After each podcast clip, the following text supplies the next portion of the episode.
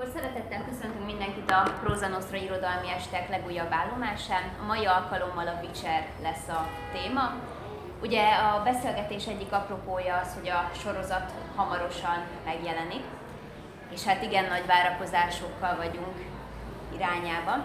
Ugyanakkor magáról az Witcher univerzumról is, ha fogalmazhatok így, fogunk a mai nap során beszélgetni, hogyha az időbe is úgy beleférünk, tehát a könyvek, képregény, minden és a beszélgető társak ezen a mai alkalmon Borbíró Aletta lesz, a Próza Nostra tagja, illetve Füzi Péter, az STR BTK-nak a doktorandusza, és hát saját bevallása szerint régi motoros nagy Witcher rajongó. Én pedig Jancsovics Klaudia vagyok, szintén az STR BTK-nak a doktorandusza.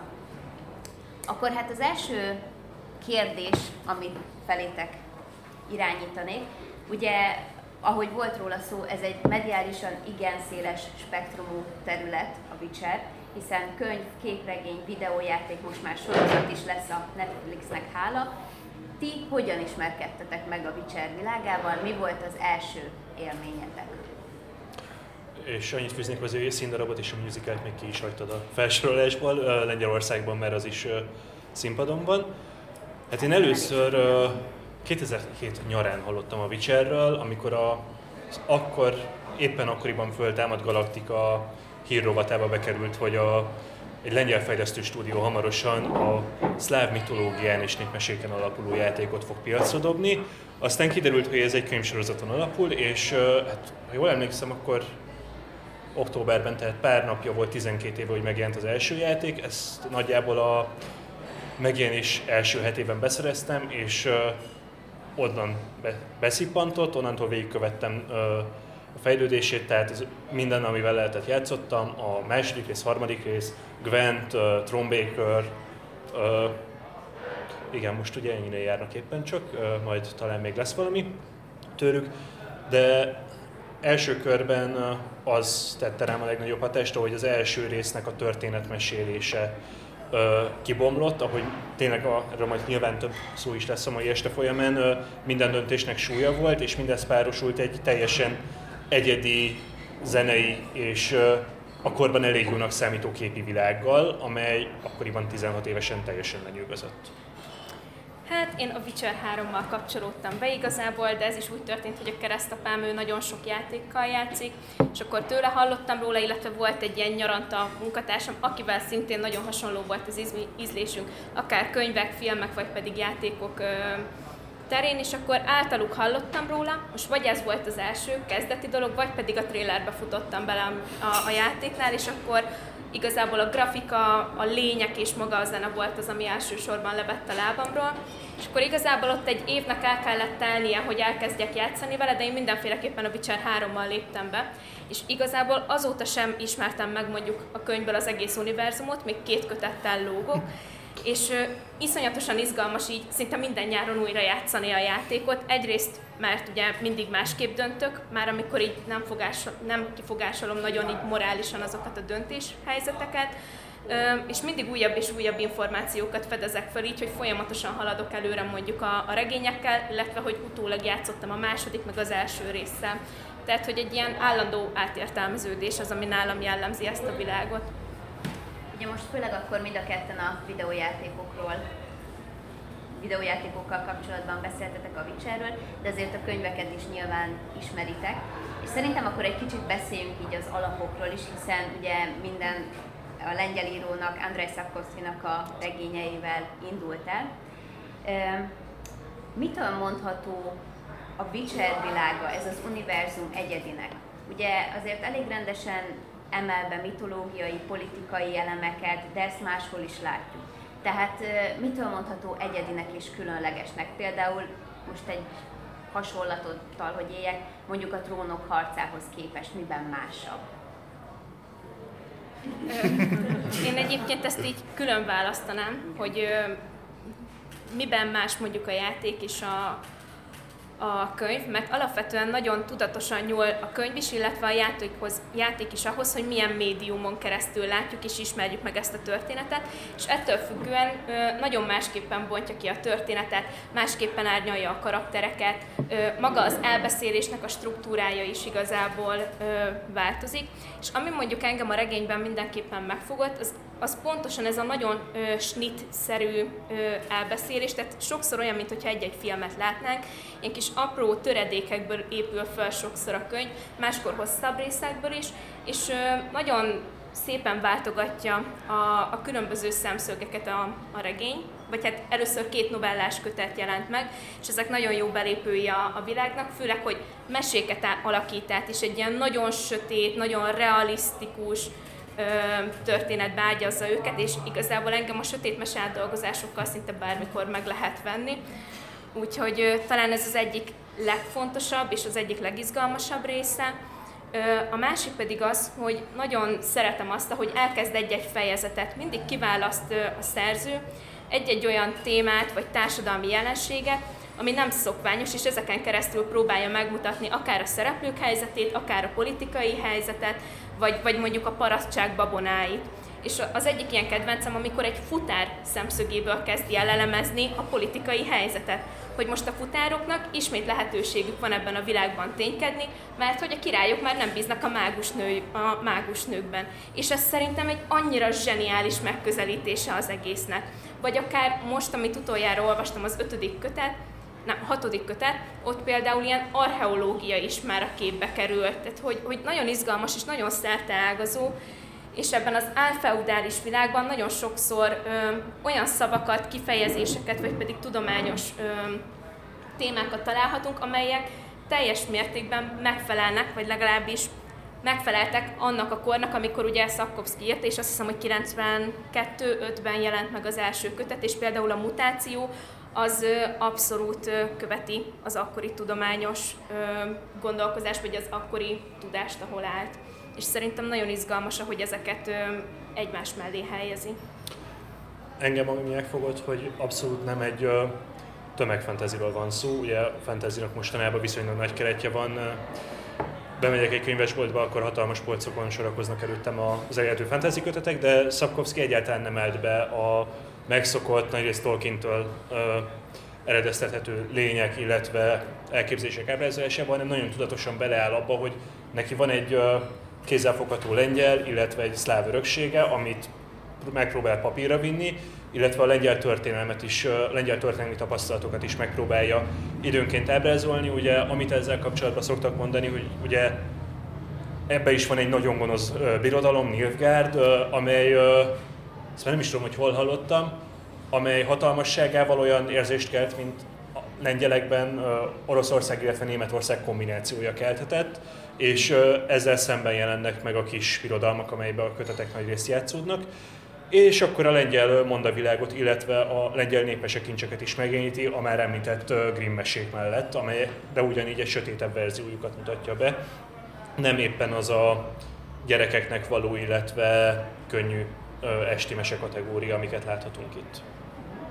Ja, mondtad Alett, hogy te ketté választanád a kérdésemet, a második részre is akkor reagálnátok, vagy azon lépjünk tovább? Szerintem a játék az egy nagyon-nagyon erős atmoszférát teremt meg. Akár a, a zenei világát nézzük, akár mondjuk a világnak a részletes kidolgozását, sőt, talán még egyébként sokkal részletesebb, mint a, a könyvek, és amit nagyon-nagyon szeretek benne, hogy egyszerűen átveszi azt a fajta arszpoétikát, ami az egyik ilyen kis novellának is a címe, a kisebbik rossz. És hogy egyszerűen soha nincsen se jó, se rossz vége.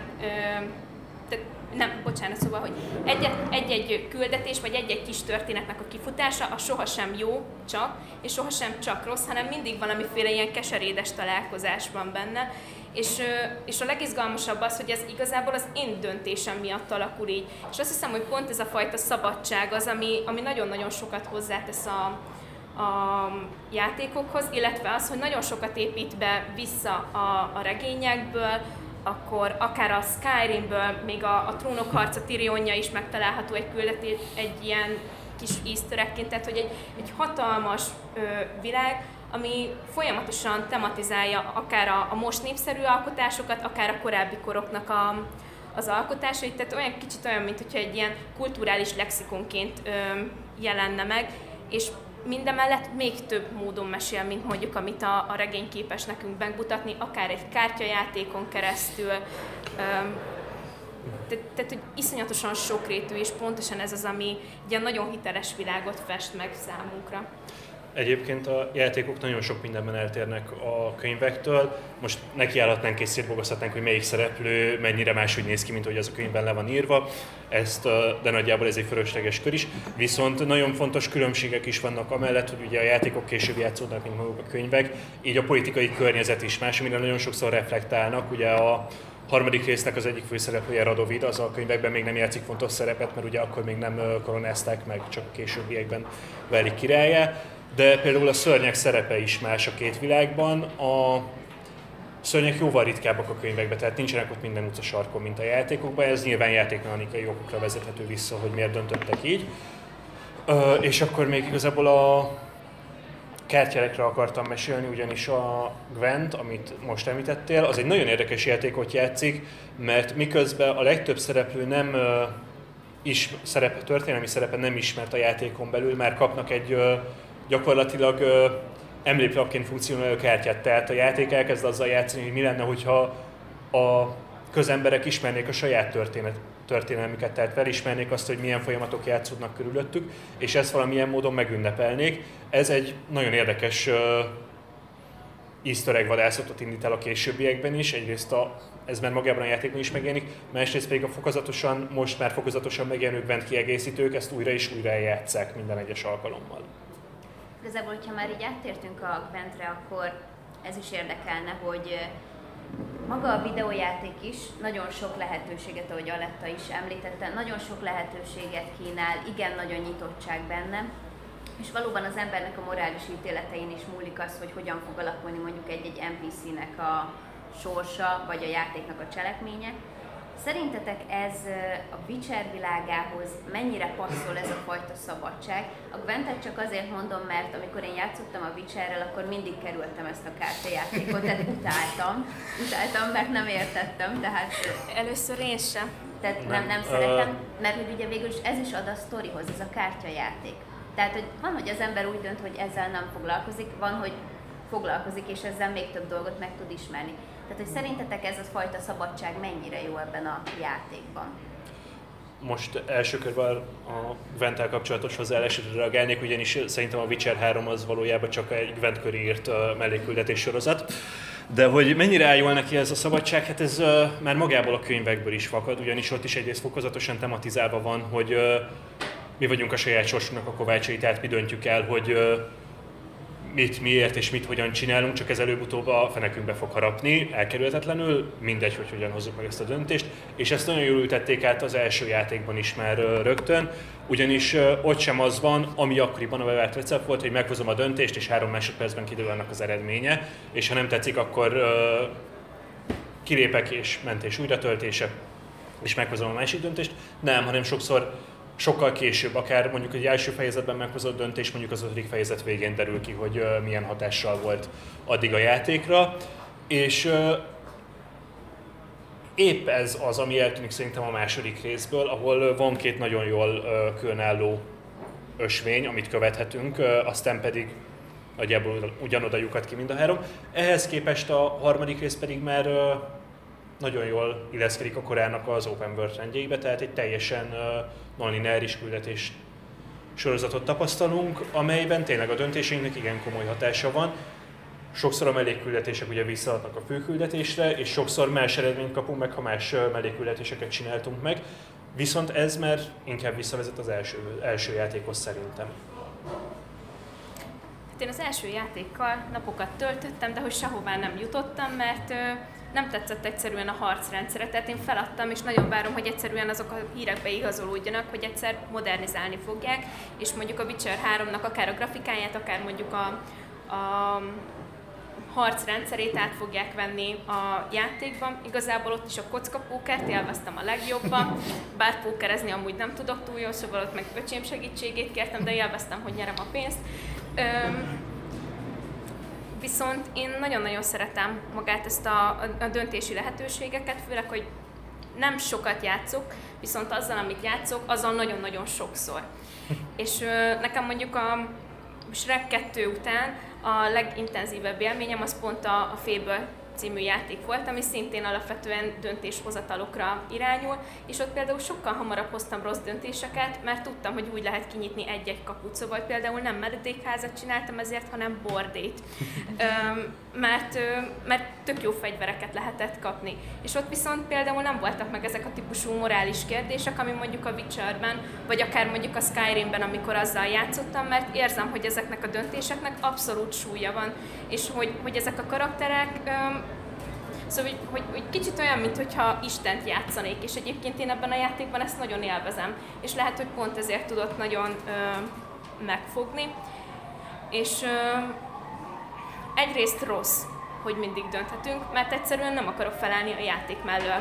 Mert hogyha ha végeztem a játékkal, akkor most vagy felmegyek erre a fandom wiki oldalra, hogy milyen elmaradt küldetésem maradt még, hol szerezhetek még kártyalapot, vagy hogyha nem az a kimenetel jött ki nekem, mint mondjuk az ismerőseimnek, a legszomorúbb, akkor így elmegyek YouTube-ra és megnézem, de hogy nyilván ez arra sarkal, hogy akkor most elkezdjem előre, hozzak más döntéseket, hozzak ugyanolyan döntéseket, és megnézem, hogy ennek mi lesz a vége.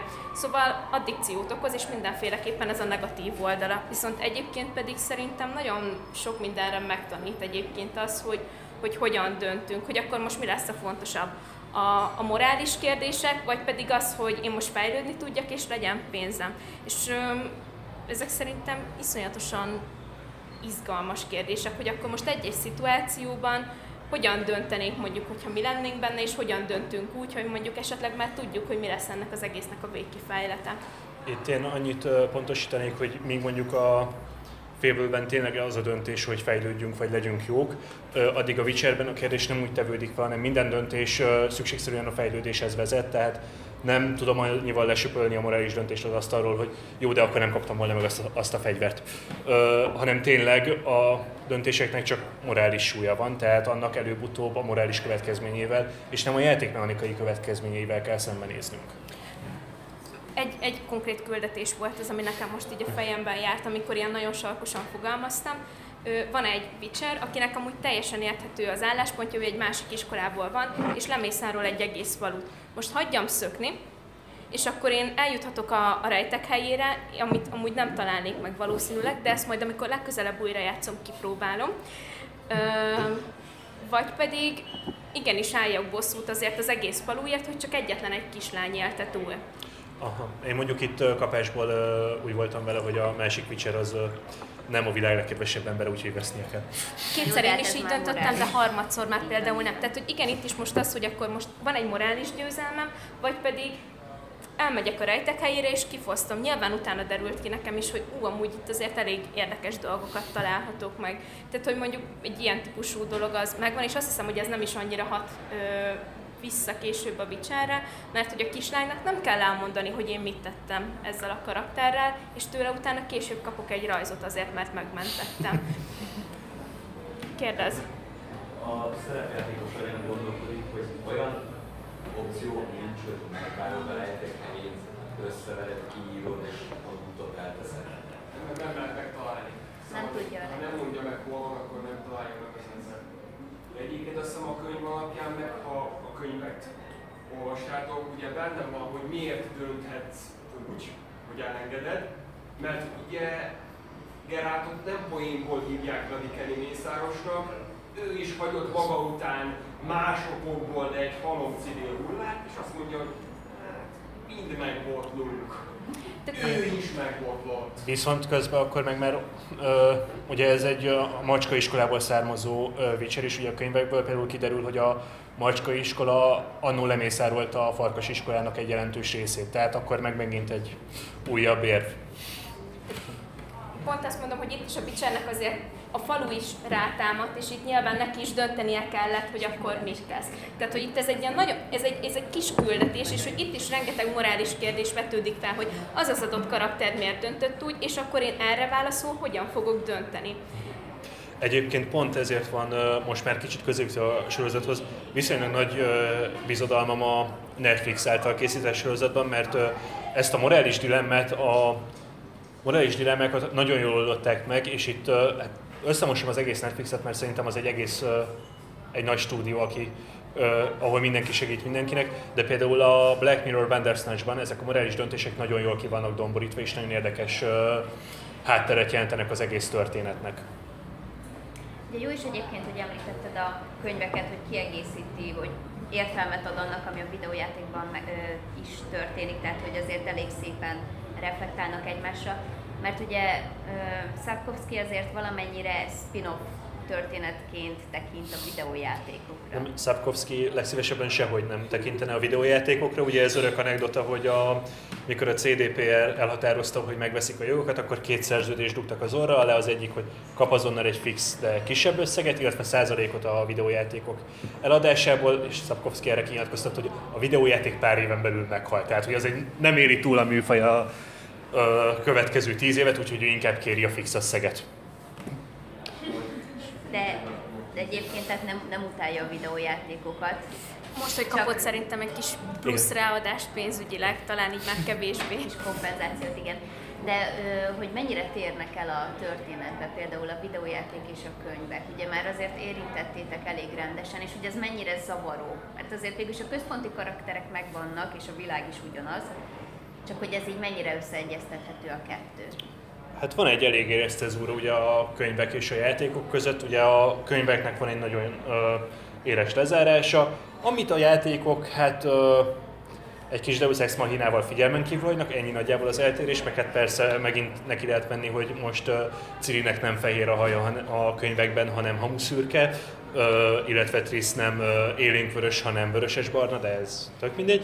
Egyébként a könyvekre nagyon erősen építenek a játékok, tehát folyamatosan visszatérő szereplők vannak, uh, akik utalnak a könyvekben történtekre egyébként, és hangsúlyozzák, hogy a könyvek úgy történtek meg, ahogy, folyamatosan. Úgyhogy épp csak ezek a inkább a világbeli eltérések azok, amiket ki lehet tapintani, amiket már korábban említettem. Én főként így az elbeszélésben láttam különbségeket, hogy egy kicsit emiatt át kellett alakítani a karaktereket. Tehát, hogy most Gerát nem maradhatott ennyire szótlan, hogyha ő a fő karakterem. Egy kicsit több szerepet kapott, tehát hogy szerintem Geráltról igazából tehát nem, nem, nem is úgy tudunk meg róla sokat, hogy ő beszél, vagy hogy őt látjuk cselekedni, hanem hogy ki mit gondol róla, meg hogy hogyan beszélnek róla. Tehát, hogy ő egyébként egyre inkább azt érzem, hogy ő egy ilyen nagyon statikus karakter, akiről van egy képünk, lehet, hogy mondjuk a játék által, de hogy ez a kép az folyamatosan attól függően alakul, hogy ki mit mond róla, mert hogy mindig mindenki ítélkezik róla, hogy jaj, hát nem vagy olyan tipikus vaják, neked is vannak érzéseid, meg hasonlók, tehát hogy egyébként ő nagyon keveset enged így betekintés saját magába, hanem inkább abból láthatjuk, hogy, hogy ő milyen, hogy mások hogyan gondolkoznak róla, és hogy egy-egy ilyen kisebb tettel, vagy nagyobban mondjuk hogyan cáfol rá ö, ezekre, és mondjuk szerintem ez, ez a játékokban abszolút ö, elveszik. Illetve mivel sokkal kidolgozottabb a világ, ezért sokkal több játékot enged meg, így, ö, így ö, sokkal mélyebb szerintem maga, amit akár politikai csatározásokról, vagy egy-egy országról megtudhatunk. Mert nekem például ilyen nagy hiányom egy ilyen ez a Tolkien vagy Martin féle ilyen szócikszerűség hátul. Vagy amikor például a tündebeszéd nincs lefordítva a könyvbe, és akkor én azt érzem, hogy engem ki akarnak rekeszteni a történetből, viszont például a, a második játékban ez abszolút le van fordítva, és így zárójelben oda van téve a tündebeszéd alá, hogy akkor mit mondanak. Tehát, hogy, hogy sokkal inkább beavatottként és partnerként kezeli a, a játék a felhasználót, mint mondjuk a, a könyv. És egyébként mind a kettőnek látom így ö, relevanciáját. Ehhez mondjuk hozzátartozik, hogy a tündéknyelvész Szapkovszki nem alkotta meg, hanem csak kifejezéseket talált ki hozzá, és a CDPR-es fiúk alkották meg a maradék szószeretet, és akkor ők már tudtak miből fordítani. É, tehát, hogy, hogy ilyen kis lábjegyzet is hiányzik, hogy akkor ő most mit mondott, és ilyen nagyon elvétve vannak egyébként fordítások, viszont egyébként én ebben abszolút egy ilyen posztolkini gesztus látok, hogy akkor most a tündéknek van saját nyelve, ö, meg úgy alapvetően maga az egész regénynek van egy ilyen nagyon erős posztolkini meg, meg Tolkien dekonstrukció, meg Tolkiennal csak így, csak azért is szembe megyünk ö, hangvétele, ami egyébként tök jól áll neki, és szerintem pont emiatt lett, lesz ez egy ilyen nagyon ö, izgalmas és, és ö, jó könyv, mert ö, nincsenek morálisan csak jók és csak rosszak, hanem ö, emberek vannak benne. Ugye, ahogy említetted, Gerált alakjáról elkezdtél beszélni, ő azért képregényekben is megjelenik, és azt hiszem írtál is róla a Persze. így van. Ö, ott a videójátékokhoz videójátékokkal összevetve mennyire követnek egy egységes vizuális megoldást, és a képregényekben mennyire tud működni ez a sztori? Itt, nyilvánvalóan a képregény a videójáték miatt jöhetett létre, és pontosan ezért nagyon sok szempontból épít rá. Egyébként szerintem mondjuk az első kötet a angolul House of Glass, magyarul pedig az Elátkozottak háza lett, ami szerintem egyébként nem egy legszerencsésebb fordítás, mert sokat elárul a történetről. Ez nagyon izgalmasan játszik egyébként azzal, ami mondjuk a játékokban is ott van, hogy mindig van egy ilyen kis háttérsztori, hogy, hogy sosem csak az van, amit a felszínen látsz, és itt például a háttérben így a, ö, az üvegmozaikokon folyamatosan változnak a, a figurák, és ö, van egy ilyen hátsó narratíva, hogy miért lett olyan az a ház, és hogy miért van elátkozva, és hogy ki van elátkozva, és ebből a szempontból ez mondjuk szerintem nagyon izgalmas, és ö, itt szerintem abszolút közelít a játékhoz. De ami igazán jó, az a varjakátka, ez a harmadik kötet, ahol viszont alapvetően kétfajta ö, vizuális ábrázolása van Geráltnak. Konkrétan van benne egy ilyen visszaemlékezés rész, ami az első kötetnek, az utolsó kívánságnak az első novelláját ö, idézi fel, amit viszont a Witcher egy ö, játéknál szintén megcsináltak a lengyel játékkészítők. Az és Abszolút Editionnek az egyik DLC-je. Lehet. Igen, szóval, hogy, hogy ott viszont abszolút azt a kis videó részletet veszi alapul, akár a, a nézőpontot tekintve, akár Gerált ábrázolását, a Striga ábrázolását tekintve. Nem, akkor összekevertem, tehát az rögtön a bevezető videó, illetve a launch trailer is ez volt. Igen, igen, az. És akkor a, a többi része viszont, ami kvázi a jelenben játszódik, ott viszont abszolút a Witcher 3-nak a, a vizuális megjelenítését veszi alapul, és egyébként volt egy ilyen kisebb vitánk a, a Molyon, hogy nekem az első borító nem tetszett, amit Paul Tobin nem tudom jól ejtem el a nevét, ábrázolt. Nem azért, mert az ő rajstílusa nem illik a, ezekhez a képregényekhez, hanem konkrétan azért, mert ő nem akart elszakadni attól, amit a játék ábrázol. És hogy nem éreztem egy ilyen igazi referenciát, vagy, vagy úgy tényleg egy ilyen motiváltságot, hogy akkor miért is néz ki úgy Gerált, ott egy picit mondjuk elszakadtak a, a világtól, de hogy például a Lesi, az abszolút olyan maradt, mint a játékban. És akkor, hogy most ez, ez jó ábrázolás, meg hogy én miért szólom le a nagy nevű művészt. Azért, mert szerintem ebben a, a rendszerben ez nem feltétlenül ö, indokolt, és attól még ő lehet egy ö, tök jó képregényrajzoló, hogy az a borító nem lett jó, szerintem. Ugye a képregényes történethez hozzátartozik, hogy még a 90-es évek végén Lengyelországban megjelentek a köteteket viszonylag hülyen feldolgozó képregények, aminek a rajstílusa hát fekete-fehér és nagyjából mostanában a Conan kegyetlen kardja sorozat ugye most jelenleg jelenik meg Magyarországon, ahhoz lehetne hasonlítani a stílusokat, nem túl szép alkotások. Viszont az újabb képregényekkel nekem egy nagyon határozott bajom van uh, konkrétan, súlytalanok. Tehát a harmadik rész után vagyunk, amikor már megmentődött a világ, ugye egy nagyon komoly küzdelem vagyunk túl, és ezek után pedig el Geralt újra belemerül csipcsup kalandokba, amelyek ezek a harmadik rész egyre növekvő tétjei után már súlytalannak érződnek, számomra legalábbis. De tehát ugye én nem is érzem azt, hogy ez bármiféle súlyt akar egyébként, viszont tehát narratívájában abszolút ezeket a kisebb Witcher küldetéseket követi, és szerintem ekként teljesen jól megállják a helyüket, kivéve a, a varjakátka, ami egyébként szerintem annyira okosan és izgalmasan ö, viszonyul a nem tudom pontosan mi volt a novellának címe, szóval, hogy ahhoz a novellához, amit ö, itt ilyen retrospektíven feldolgoznak, olyan szinten tovább tudja ezt gondolni, és, és tovább gördíteni azt, amit a játékból, illetve a regényből ö, megismertünk, hogy ez így konkrétan az eszenciája az egész Witcher logikának, hogy folyamatosan újra használjuk a dolgokat, és hogy mindent újra és újra beépítünk, szóval, hogy ez az egész olyan, mint egy ö, nem tudom, ilyen YouTube lejátszási lista, amiben így konkrétan nincsen meghatározva, hogy mikor mi milyen sorrendben, hanem csak így, így van az adott lista, és majd valahogy pörögnek mindig máshogy ezek a számok. Szóval, hogy szerintem iszonyatosan izgalmas, és engem mondjuk inkább a világépítés szokott ö, érdekelni, de hogy ez mondjuk nekem a, a vége így érzelmileg is megrázó tudott lenni, és, és tudott a háborúnak egy olyan részét mutatni, amire azt mondtam, hogy basszus, szerintem ennyire durván még a játékok sem mentek ö, bele. Szóval, hogy egyébként olvassátok el ezt a kötetet, mert szerintem iszonyatosan jó, főleg a vége miatt. Vagy nem tudom, te hogy gondolod? Nem, tehát én nem, nekem nem tetszettek a gépregények. Hát a második az nekem se, de a három az szerintem nagyon jó. Ugye a képi ábrázoláson azért is rugóztam ennyire, mert uh, ugye érkezik a sorozat, és hát nem volt mentes a fanok aggodalmától, és most sem az. Tehát először, ha jól tudom, az verte ki a biztosítékot, amikor Szirinek a szerepére színesbőrű színésznőt kerestek, de voltak más ilyen uh, kérdéses pontok is. Ugye Mark Hamill neve is még így viccesen felmerült a casting során. És hát látva a trélert azért az látszik, hogy néhány karakter nem úgy fog megjelenni, ahogy megismertük például a képregénybe, a videójátékba, vagy ahogy mondjuk a könyvbe is hivatkoznak rájuk. Nektek erről mi a véleményetek, hogy ez vajon mennyire lehet jó, mennyire tud majd működni vajon? Kezdjük azzal, hogy Mark Hamill uh, castingolása a Vesemírként egy valóra vált álom lett volna, de mivel Vesemír egyelőre nem úgy néz ki, hogy kapna jelentősebb szerepet a sorozatban, talán megtörténik a következő szezonban, úgyhogy ezt még ne kopoljuk le.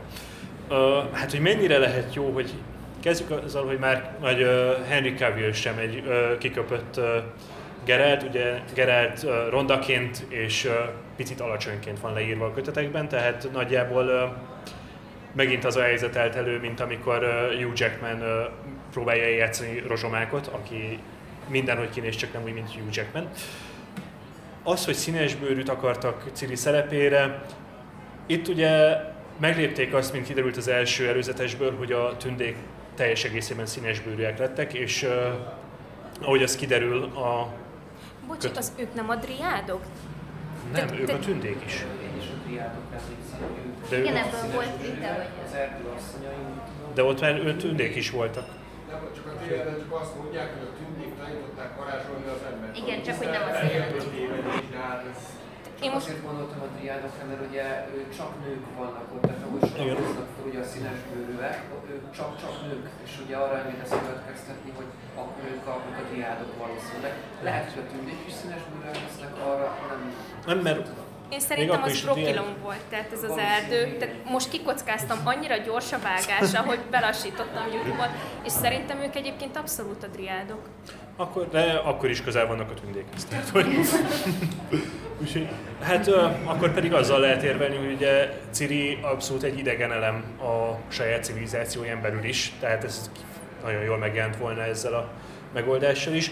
Illetve ugye a legnagyobb ellenérv az volt, hogy egy gyakorlatilag egy európai uralkodóház fantázi megjelenítését oldották volna meg így. Fantázi megjelenítés. Belefér. Én nem szeretem Harry Cavill-t. Supermanként ő tök jó. Hát el tudom fogadni, hogy mondjuk Geraltnak a könyvek szerint nem nagyon kell játszani. Oké, okay, talán. De hogy egyébként én például a Hannibal sorozatban játszó Mikkelsennek örültem volna, de nyilván itt most közbeszól a Deadpool mondat, mi szerint nem elég fiatal, hogy elvigyen a hátán 10 évig egy franchise-t. Úgyhogy így érthető, hogy Cavill lett a, a főszereplő. Őszintén én nekem ilyen nagyon hullámzó a sorozat, tehát amikor így jönnek a casting hírek, nem vagyok elragadtatva tőle. Én már így leírtam a sorozatot, hogy ez nagyon trash lesz, de én szeretem a trash tartalmakat, úgyhogy majd megnézem. És ehhez képest engem a trailer meglepett, és pont Steve-vel, a főszerkesztőnkkel beszéltünk róla nyáron, azt mondta, hogy hát nagyon rossz lett a trailer. Én meg teljesen lelkes voltam, hogy én ennél sokkal rosszabbat vártam. Úgyhogy Igen, mondjuk Henry Cavill azért lehet jó megoldás, mert ő tényleg rajongó, tehát azt lehet róla tudni, hogy ő az összes játékot végigjátszotta, nagyjából háromszor, illetve folyamatosan figyelt arra, hogy a sorozatban is minden a lehető legjobban autentikus legyen, illetve a saját játéka is. Az, hogy uh, mit fogunk látni, hát négy nap múlva kiderül, ugyanis akkor érkezik a következő trailer. Egyébként nekem mondjuk így a trailer alapján vannak ilyen nagyon szimpatikus gesztusok. Tehát, hogy ö, a, ami már biztos, hogy bemutatják azt, hogy mondjuk a boszorkányokat ö, hogyan alakították át, vagy, vagy ezeket a varázslónőket. Ez ugye egybekezdés csak a regényben. Igen, hát meg mondjuk így van egy ilyen kisebb visszaemlékezés, de de hogy ez például szerintem nagyon izgalmas, és én, én nagyon várom egyébként ezt a részt, és nagyon szeretnék egyébként Jennifer életébe betekintést nyerni, mert én utálom őt. De nagyon utálom őt. Igen, tehát a fandomnak, ha egy nagy tradíciója van, az az örök uh, Yen, illetve Team Triss uh, párharc, tehát hogy az kibékítetlen ellentét. És szóval, hogy ő ilyen, néha tudom szeretni, de tényleg így ritkán de alapvetően én őt nagyon nem, nem kedvelem, és mondjuk lehet, hogy ez, ez a történetszám mondjuk izgalmassá teszi a karakterét, és amúgy is érdekelt ez az egész varázslónős dolog, mert szerintem egyébként ebből nagyon keveset adott akár a játék, vagy, vagy akár mondjuk a, a regények. És jó, nem akarok spoilerezni, úgyhogy ezt most így rövidre zárom. Ugye említetted, hogy most a trailer után egy kicsit talán bizakodóan tekintesz a jövőre. Amikor megtudtátok, hogy sorozat fog készülni a Witcherből, akkor mit gondoltatok, mi volt az érzésetek, amikor jöttek ezek a különböző hírek, ugye például a castinggal kapcsolatban, akkor mi volt, és hogy most, hogy láttátok a trélert, esetleg változott ez a kép, vagy kiegészült bennetek?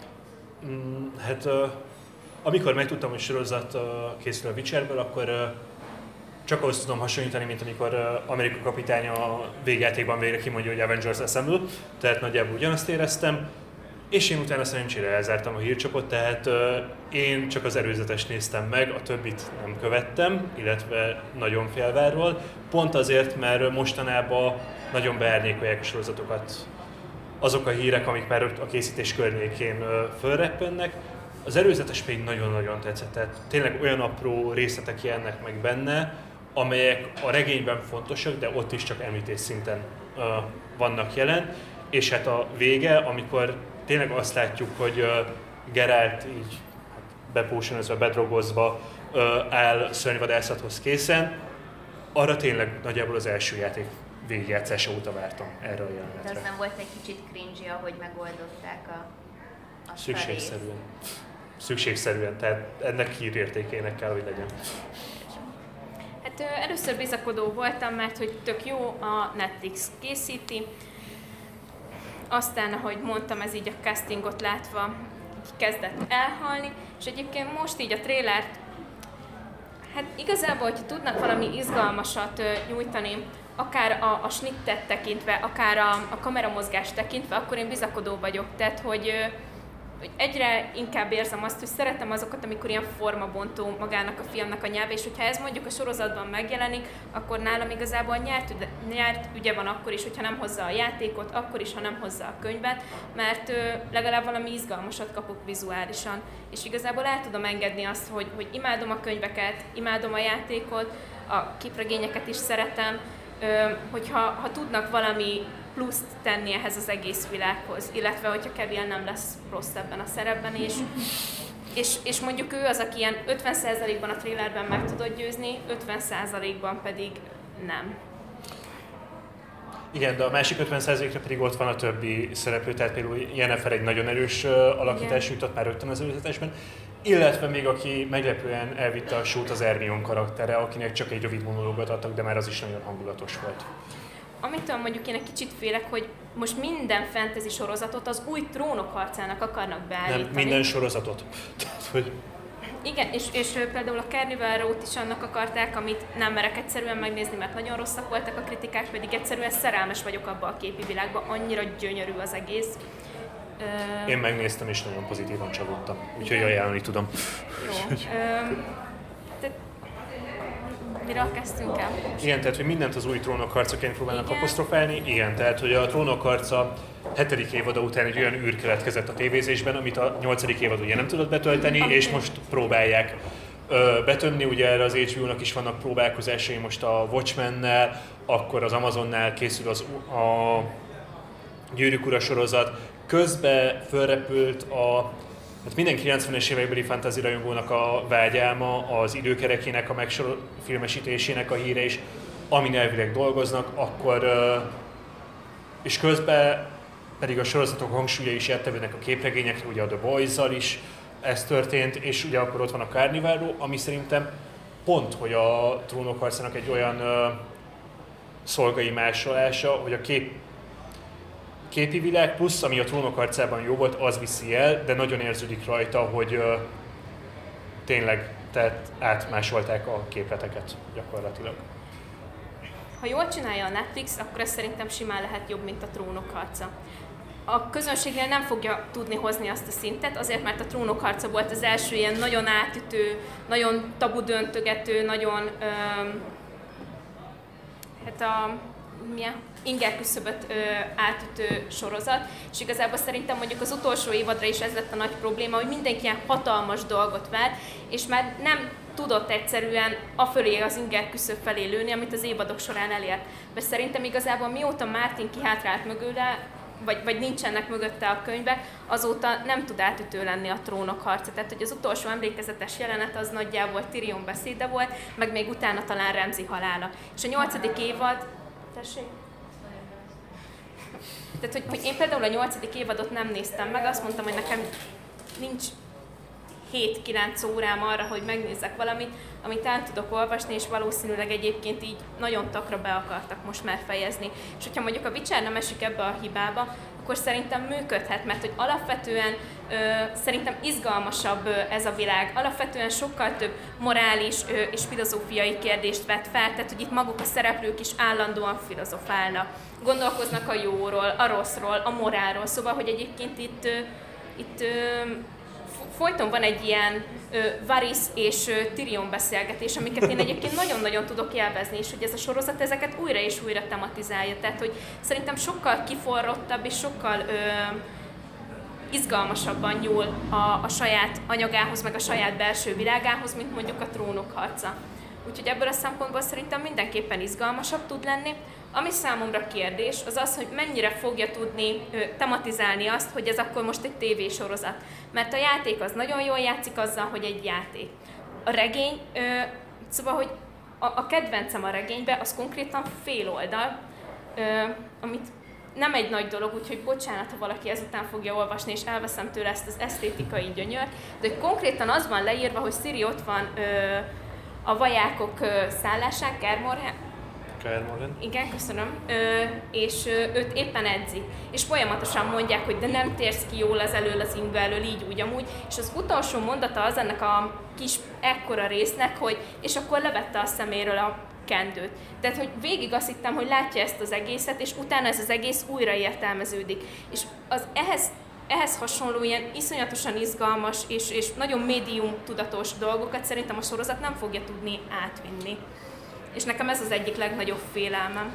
De nyilván kísérletet tesznek majd arra, hogy megtalálják a tévé, vagy pontosabban a sorozat médiumára jellemző internet médiumára, Netflix médiumára, mindenki válaszza ki a neki tetszőt, jellemző megoldásokat, és azokat valamilyen szinten kiaknázzák akár azzal is elkezdhetnek játszani, hogy egy olyan sorozattal van dolgunk, ami rögtön az első nap mindenki számára elérhető, és akkor, hogy hogyan fűzik egymás után az epizódokat, amiket szintén pont ebből kifolyólag mindenféle sorrendben megtekinthetnénk. Ugye alapvetően a sorozat az inkább a könyvekhez fog viszonyulni. Ez szerintetek mennyire lehet zavaró majd azoknak a Witcher rajongóknak, akik inkább a videójátékokon szocializálódtak? Nagyon fogja őket zavarni, és ebből nagyon-nagyon sok internetes vita fog keletkezni a közeljövőben. Szerintem kettős, tehát hogy alapvetően a játék is szerintem arra kondicionált egy részről, hogy ne várjuk mindig ugyanazt. Pontosan a döntéshelyzeteknek megfelelően, mert hogy biztos vagyok benne, hogyha ha a nagy játék végigment, először valakinek biztos, hogy azonnal leült a YouTube elé, hogy mi lett a másik két befejezési lehetőség Szóval, hogy szerintem ebből a szempontból mondjuk nem feltétlenül lesz ez meg, illetve ami mondjuk számomra egy kérdés, hogy vajon hány könyvhöz nyúltak hozzá, mert ez biztos, hogy nem csak az első, ami ilyen nagyon laza novellás szerkezet, még a második kötet is, de hogy szerintem egyébként még a negyedik kötetbe is belenyúltak ebbe a, a nyolc részre, ugye ott a sivatagos jelenet. Igen, bár az ugye nagyon állami jelenetnek tűnik. Egyébként uh, én pont azt, uh, tehát amikor elkezdtek felröppenni a casting hírek, hogy melyik szereplőre keresnek figurákat, akkor nagyjából be lehetett hogy ez a harmadik, negyedik kötet környéke lesz. Amikor visszanyúlnak azokhoz a részekhez, amik fontosak ahhoz, hogy értelmezni tudjuk, hogy mégis ki a fene az a Ciri, uh, Geralt miért keresi égen földön őt, például ilyen részek. Uh, viszont ugye nem is hozzányúlnak a könyvek, hanem szó szerint adaptálják a könyveket, tehát itt egy jóval szilárdabb alapról beszélhetünk, és pont a játékok, illetve a könyvek közti eltérések fogják nagyon élesen zavarni a játékok rajongóit, akik tényleg a játékokon edződtek, azzal nőttek bele a Witcher világába, mert az a szereplőknek az ábrázolás módja, illetve a világnak az ábrázolás módja, ahogy azt már ö, többször is jeleztük, nagyon élesen eltér a könyvekben és a játékokban. Még esetleg ez valamit találtam?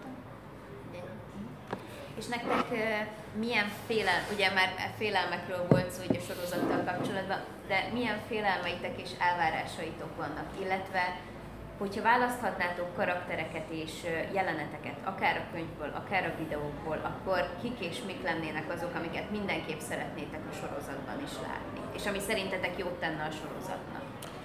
Akkor kezdem a félelmeimmel, hogy egy tucat fantázi lesz. Tehát, hogy pontosan azokat a dolgokat veszik ki a könyvekből, amik egyedivé teszik, abban a reményben, hogy ezáltal a sorozatot többen nézik meg, jobban eladhatóvá válik, tehát hogy például megjelennek ugyanazok a szörnyek, ugyanazok a lények, amelyek minden hasonló fantasy sorozatban benne vannak. Szemben a stigákkal, a kifejezetten szlávosra vett vámpírokkal, a igen emblematikus banyákkal a videójátékokból például, Na, őket például én is nagyon szívesen látnám benne, ő, ők mondjuk egy ilyen hatalmas vágyam, viszont nekem az egyik legnagyobb félelmem, hogy ők csak egy ilyen epikus ilyen menjünk, és akkor mentsük meg a világot, meg mentsük meg Szirit, meg, meg akkor igen. És hogy én egyébként unom ezeket a narratívákat. Én azt szeretem, hogy ismerek egy világot, és akkor van hozzá egy novella és, és hogy csak így egy-egy ilyen kisebb kaland, és nekem például pont ezért működött tök jól a képregény, mert nem kellett tudnom, hogy akkor ő most milyen politikai viszonyban van ezzel az emberrel, meg amazzal, és én nagyon remélem, hogy valamennyit fognak ennek a világnak a, a népi kultúrájából beemelni, mert például a Hobbit trilógiának iszonyatosan gyenge volt, de én nagyon-nagyon szerettem azt, hogy a törpöknek volt benne az a dala, és hogy kaptam valamit középfölde kultúrájából, ami egyébként nagyon színes és nagyon izgalmas. És hogyha mondjuk ehhez hasonló dolgokat át tudnak emelni a, a sorozatba, akkor én nagyon boldog vagyok igazából. Ha pedig még a játéknak a zenéit tudnak, tehát hogy akkor így, így bármit csinálhatnak képileg, én, én imádni fogom, mert hogy egyszerűen iszonyatosan jók a zenéi. Ugye a játék zenéhez is azért nem nyúlhatnak hozzá, mert az a CDPR tulajdona, amely nincsen benne a sorozat fejlesztésébe. Viszont, hogy melyik karaktereket várom, Vilent Retemert. Ő az egyértelmű kedvencem, ő ugye egy hatalmas és lenyűgöző aranyserkény, aki ennek, ennek ellenére az ideje nagy részét emberbőlben tölti és próbálja megismerni az emberi életet. Szerintem a legjobb novella hozzá kötődik egyébként. És hát persze nagyon jó lenne újra látni Zoltánt, Dandeliont, ez mondjuk egy nagy kérdés, hogy Dandelion most éppen milyen néven fog futni. De nagyjából... betűs. Jeskier a lengyel neve. De természetesen teljes Hanza a csapatot jó lesz majd látni. Különösen, most én fejtettem a nevet, hogy hívják a vámpírt? Regis. Regiszt jó lenne látni a, az erejének a teljében végre.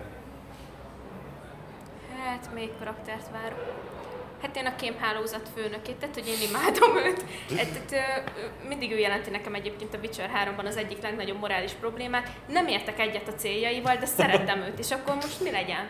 Ö, mindig nehéz döntés igazából. Szóval, hogy a, ő, őt nagyon szeretném látni benne. Mm. Igen, hát... Nem, nem, nem is tudom még kit igazából és esetleg olyan jelenet, amit jó lenne a tévéképernyőn is viszont látni, vagy hát a monitoron ki mind fogja nézni. Én már megkaptam azt a jelenetet, tehát a Blazi, uh, Blavikeni mészállás az ugye már az előzetesben is benne van, és nagyon-nagyon jól néz ki, mert az, amit láttunk belőle, úgyhogy ez nyilván benne van. Uh, hát az egy unikornisos jelenet sem lenne rossz, de azt sajnos nem fogunk kapni még itt, úgyhogy... Nekem is benne van az egyik, amit így nagyon-nagyon szerettem volna, ez kifejezetten a legelső Striga harc, a hát jó, mindegy, nem szeretnék spoilerezni, szóval, hogy egy striga harc, ami egyébként szerintem elég jól fog kinézni, és ott mondjuk elég izgalmas az, hogy szintén akkor látszik, hogyha az ember kikockázza a YouTube-on, hogy amikor csak így egy koponyát mutatnak az előtérben, akkor azért hátul a magának ennek a szörnynek a, a teste látszik, meg szerintem egyébként az a véres kéz, vagy moncs, vagy, vagy nem tudom mi, amikor be van vágva, az is egy hasonló dolog, és mondjuk a trailer alapján tényleg ezt a Jennifer vonalat várom iszonyatosan, hogy ebből egyébként mit fognak kihozni. Nem, szóval kocsmai jeleneteket, imádom a kocsmai jeleneteit, tehát hogy ezeket én így várom. Iszonyatosan jók a párbeszédek, nagyon jók a karakterek, nagyon jó az, hogy, hogy ki milyen babonában ö, hisz, és azért annak nagyon örülnék, hogyha ezt a borvidékes tuszán is meg tudnák jeleníteni, mert a, Witchernek ez a kiegészítője a háromnak, a, a Blood and Wine, tehát nekem az az egyik nagy kedvencem, én nagyon-nagyon szeretem. Nem azért, mert mondjuk ezt a vámpír narratívát öm, kedvelem, vagy, vagy nem is azért, mert mondjuk ennek a legjobbak a zenéi, hanem iszonyatosan jó küldetések vannak benne, főleg amikor egy ilyen mesekönyvbe lehet ö, bekerülni, tehát hogy szerintem én ott ilyen 10-10 nem tudom hány órákat kalandoztam, hogy akkor úristen, még mese van még itt elrejtve. Szóval mindenféleképpen az, az, annak örülnék, hogyha ezeket a mesedekonstrukciókat átvinnék a, a sorozatba. Igen, egyébként ugye ezt is nagyon esélye megkapod, mert ugye a Blavikeni mészállás pont a Csipke Rózsika mítoszhoz kötődik, ugye? A, nem, az, az Liget szépen, nem? Mert hogy toronyban vannak azért. zárva. De alszanak is, tehát hogy ott akkor több. Igen. Igen. Tuszán az tényleg ö, jó lenne, mert csak azért is, mert ugye a CDPR gyakorlatilag ezzel zárta le a saját uh, Witcher mintuszokat, nem is a DLC-re gondolva, hanem az első játék tizedik évfordulójára kijött köszönő videóval, ami szintén ott játszódik, és egy zseniális kis pár perces összeállítás, úgyhogy szép kikacsintás lenne, de szerintem viszonylag kronológikusan fogunk végigmenni a regényeken, tehát onnantól, hogy Geralt me- valamilyen formában kapcsolatba kerül uh, Cirivel egészen addig, amíg eljutunk a, egészen a vadhajsza főnökeig.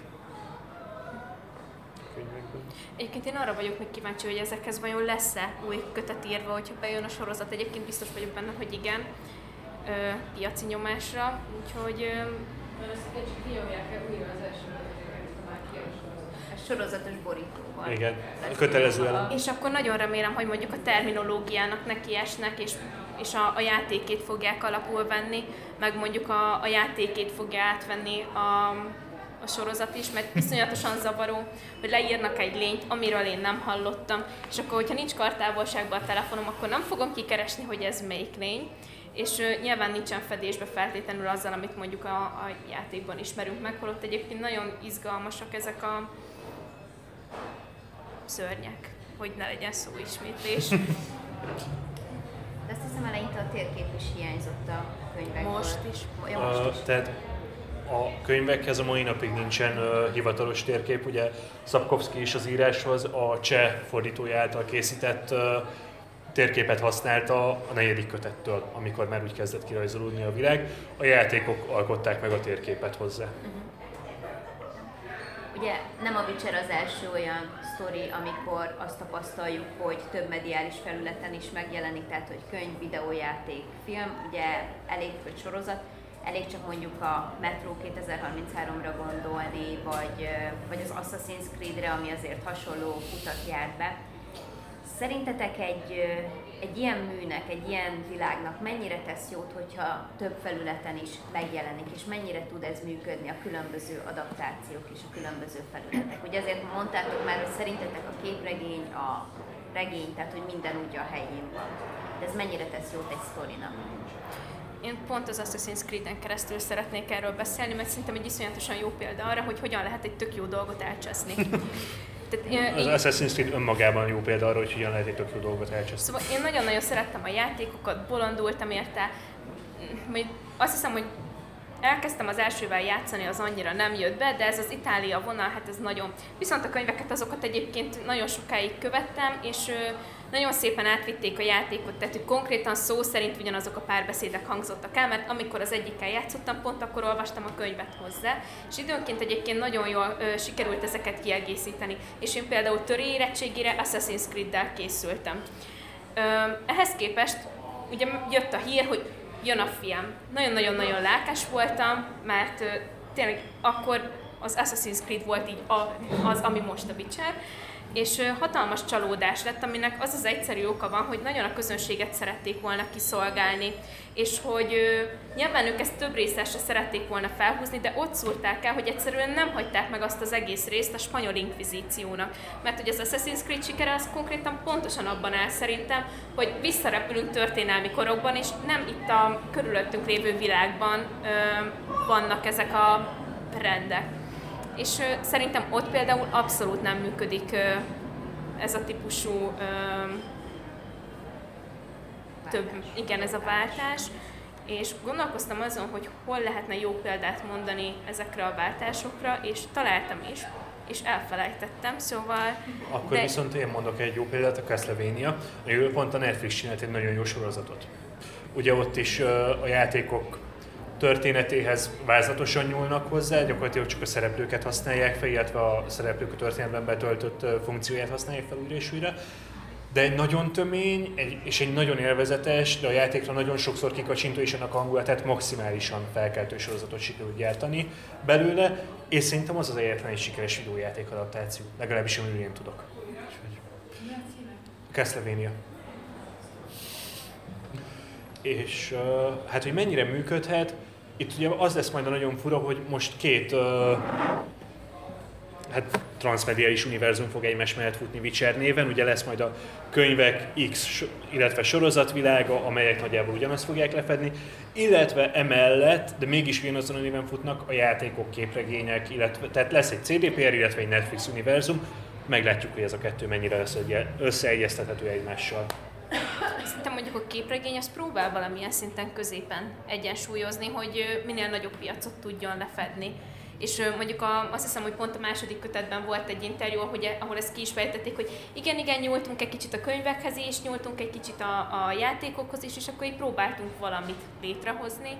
Úgyhogy azt szerintem meg fog próbálni középen maradni. Ami mondjuk tényleg előnye lehet a sorozatnak az az, hogy net sorozatként jelenik meg, és és egy sokkal szűkebb társadalmi réteget is becélozhat, ezért nem kell mondjuk egy ilyen nagyon happy end felé elcsúsztatni az egész ö, ö, sorozatot, meg egy ilyen cukormázas világgá, és ez azért mindenféleképpen az előnye lehet majd.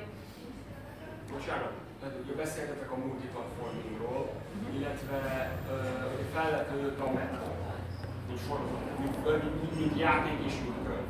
Az ugye tudni kell, hogy a Metro írója talán egy fél évvel ezelőtt, így, bocsánat, ezt mondom, elküldte a fenébe Hollywoodot, mert azt mondta, hogy 70 millióért megvették volna a könyveket, de Washingtonban játszódott volna a történet, és azt mondta, hogy közde köz Illetve nagyon sokat olvastam arról, hogy az a problémájuk néhánynak elnézést a netflix kapcsolatban, hogy mind a könyvek, mind a játék, ugye, hát most még tiszteltel európaiak, illetve lengyelek rakták össze. Ott, hogy a játéknak vannak amerikai nyilván programozói, de maga a, a plotért, az egész világért lengyelek feleltek.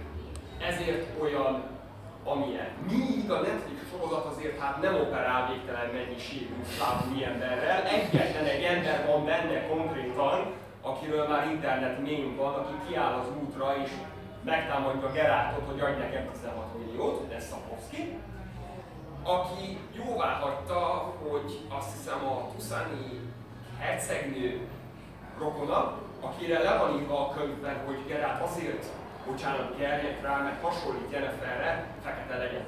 Tehát, és voltak éppen az a nagy kérdésem, hogy azt, hogy ilyen amerikai kézbe adták a történetet, nem emerül fel az a probléma, hogy bocsánat, az amerikaiak ilyen eltartott kis nyúlnak a durvább fantazihoz például feketékkel teli sorozatban hogy lehet majd, ami a Witcher világának abszolút szerves része, rasszistának lenni?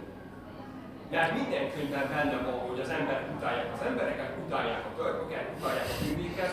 A tündék kihalása egy külön vicces történet, hogy hogyan halnak ki a tündék. Na most ezek után hogy tudja majd ebben a mai világban a Netflix ezt filmre vinni, anélkül, hogy kiírnák? Pontosan így egyébként.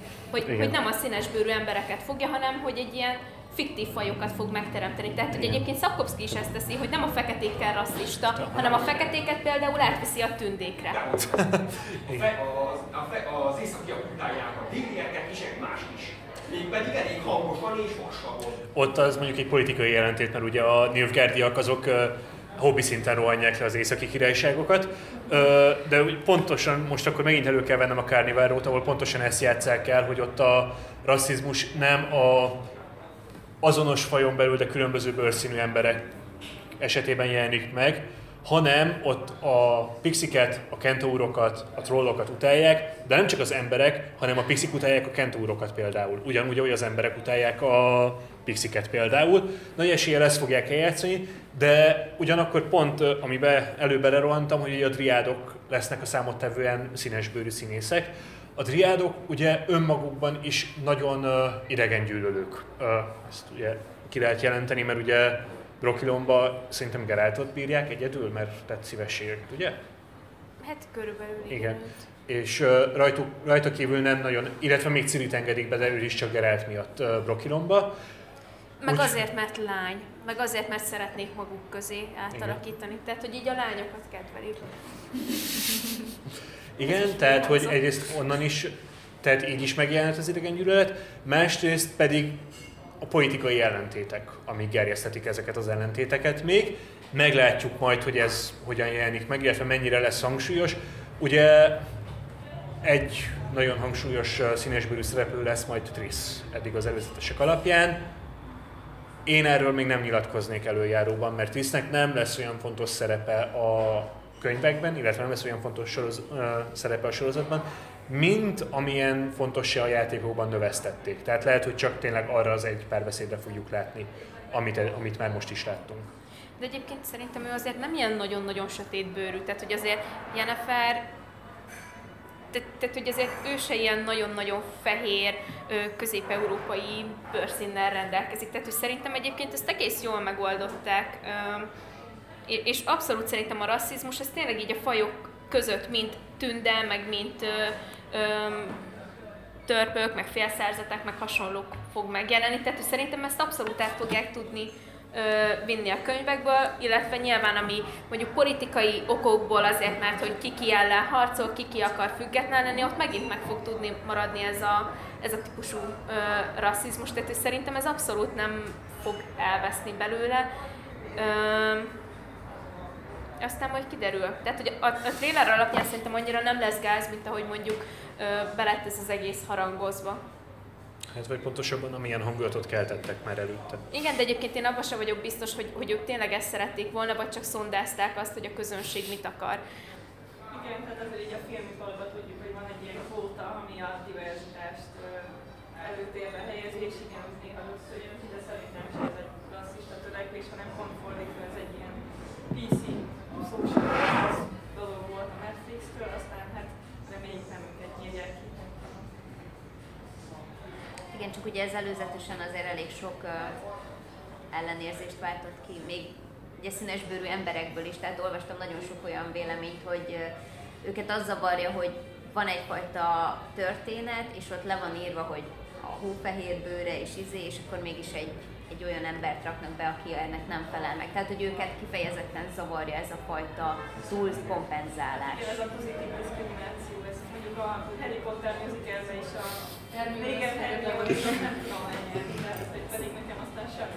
A legdurvább pozitív diszkrimináció szerintem az a kijelentés, hogy Gandalfot játszan ő, tehát hogy ez szerintem überelhetetlen lesz.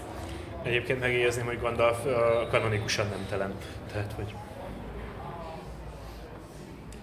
Ugye, ami még ilyen problematikus dolog szokott lenni, az a női-férfi szerepeknek a bemutatása egy-egy történetben. A Witcher szerintetek mennyire kezeli jól, rosszul ezt a kérdést. Ezt azért is akartam megkérdezni, mert a Letta, te azért elég benne vagy ebben a feminizmusos témakörben, és tudom, hogy Péter, neked meg van egy határozott véleményed erről az egész témakörről, nem mint a feminizmusról. Én erről a véleményről nem tudok, tehát hogy... De pedig mondtad, na mindegy. Tehát, hogy mi a véleményetek erről, hogy a Witcher mennyire kezeli jól vagy rosszul a női férfi szerepeket? A könyvekben a valljuk be, hogy minden fontos döntést nők hoznak meg. Tehát, hogy ebből a szempontból semmilyen kritika nem érheti majd a sorozatot. A világ valódi urai, ugye a... Hogy fordították a lodzsot magyarul? Mindegy, tehát az össze gyakorlatilag egy körbe összegyűlt varázs. Igen. A páholyba tömörült varázslónők, akik minden fontosabb korona mögött ott vannak, minden fontosabb döntést ők suttognak a királyok fülébe, és gyakorlatilag ők terelik a világot arra, amerre szerintük mennie kéne. Ugye majd a Nehézség a sorozat második évadjában lesz egy ennek a megváltoztatására törekvő pucskísérlet, ott majd meglátjuk, hogy ezek a szerepek hogyan csapnak össze. Szerintem nagyon változó. Tehát, hogyha a varázsló nőkről beszélünk, akkor tényleg elsősorban ők irányítanak, viszont azért ők főként Nilfgaarddal, a férfi hatalommal szemben állnak, tehát hogy itt mondjuk van egy ilyen típusú ö, ö, felállás. Viszont alapvetően például azért van egy nagyon erős kezű királyné is, ugye Szirint nagyanyja személyében. Akinek nőstény oroszlán. Igen, tehát hogy, hogy, hogy szerintem ez azért eléggé megosztott, mondjuk Nilfgaardban inkább egy ilyen nagyon erős patriarchális berendezkedést ö, érzek, míg mondjuk a többi országban szerintem úgy patriarchálisnak tűnik, aztán nem teljes mértékben az, mondjuk ami a leg, ö, leg demokratikusabb a, a nemi a szerepeket tekintve, az például szerintem a vikingek világa. Szkerike. Igen, tehát hogy ott azért a, a nők is lehetnek harcosok, ö, és ott kifejezetten van is egy olyan ö, ilyen kis mini küldetés, ahol ö, az egyik nő azt mondja, hogy ő a szüzességét csak annak a férfinak fogja odaadni, aki legyőzi őt, és nem tudják legyőzni. Ez egyébként egy utalás a vörös képregényekre, ahol szintén ez fordul elő. Tehát, hogy, hogy szerintem ez azért mondjuk egyrészt a, a Witcher univerzum országaiban is eltér, illetve a különböző társadalmi helyzetekben is, mert hogy minél följebb vannak a, a hierarchiában, akár a nők, akár a férfiak, annál inkább mondjuk kiegyensúlyozottnak tekinthető szerintem a, a, hát a szavuk súlya, míg mondjuk a, a parasztságnál ott, ott abszolút inkább a férfiak azok, akik ö, ö, döntenek.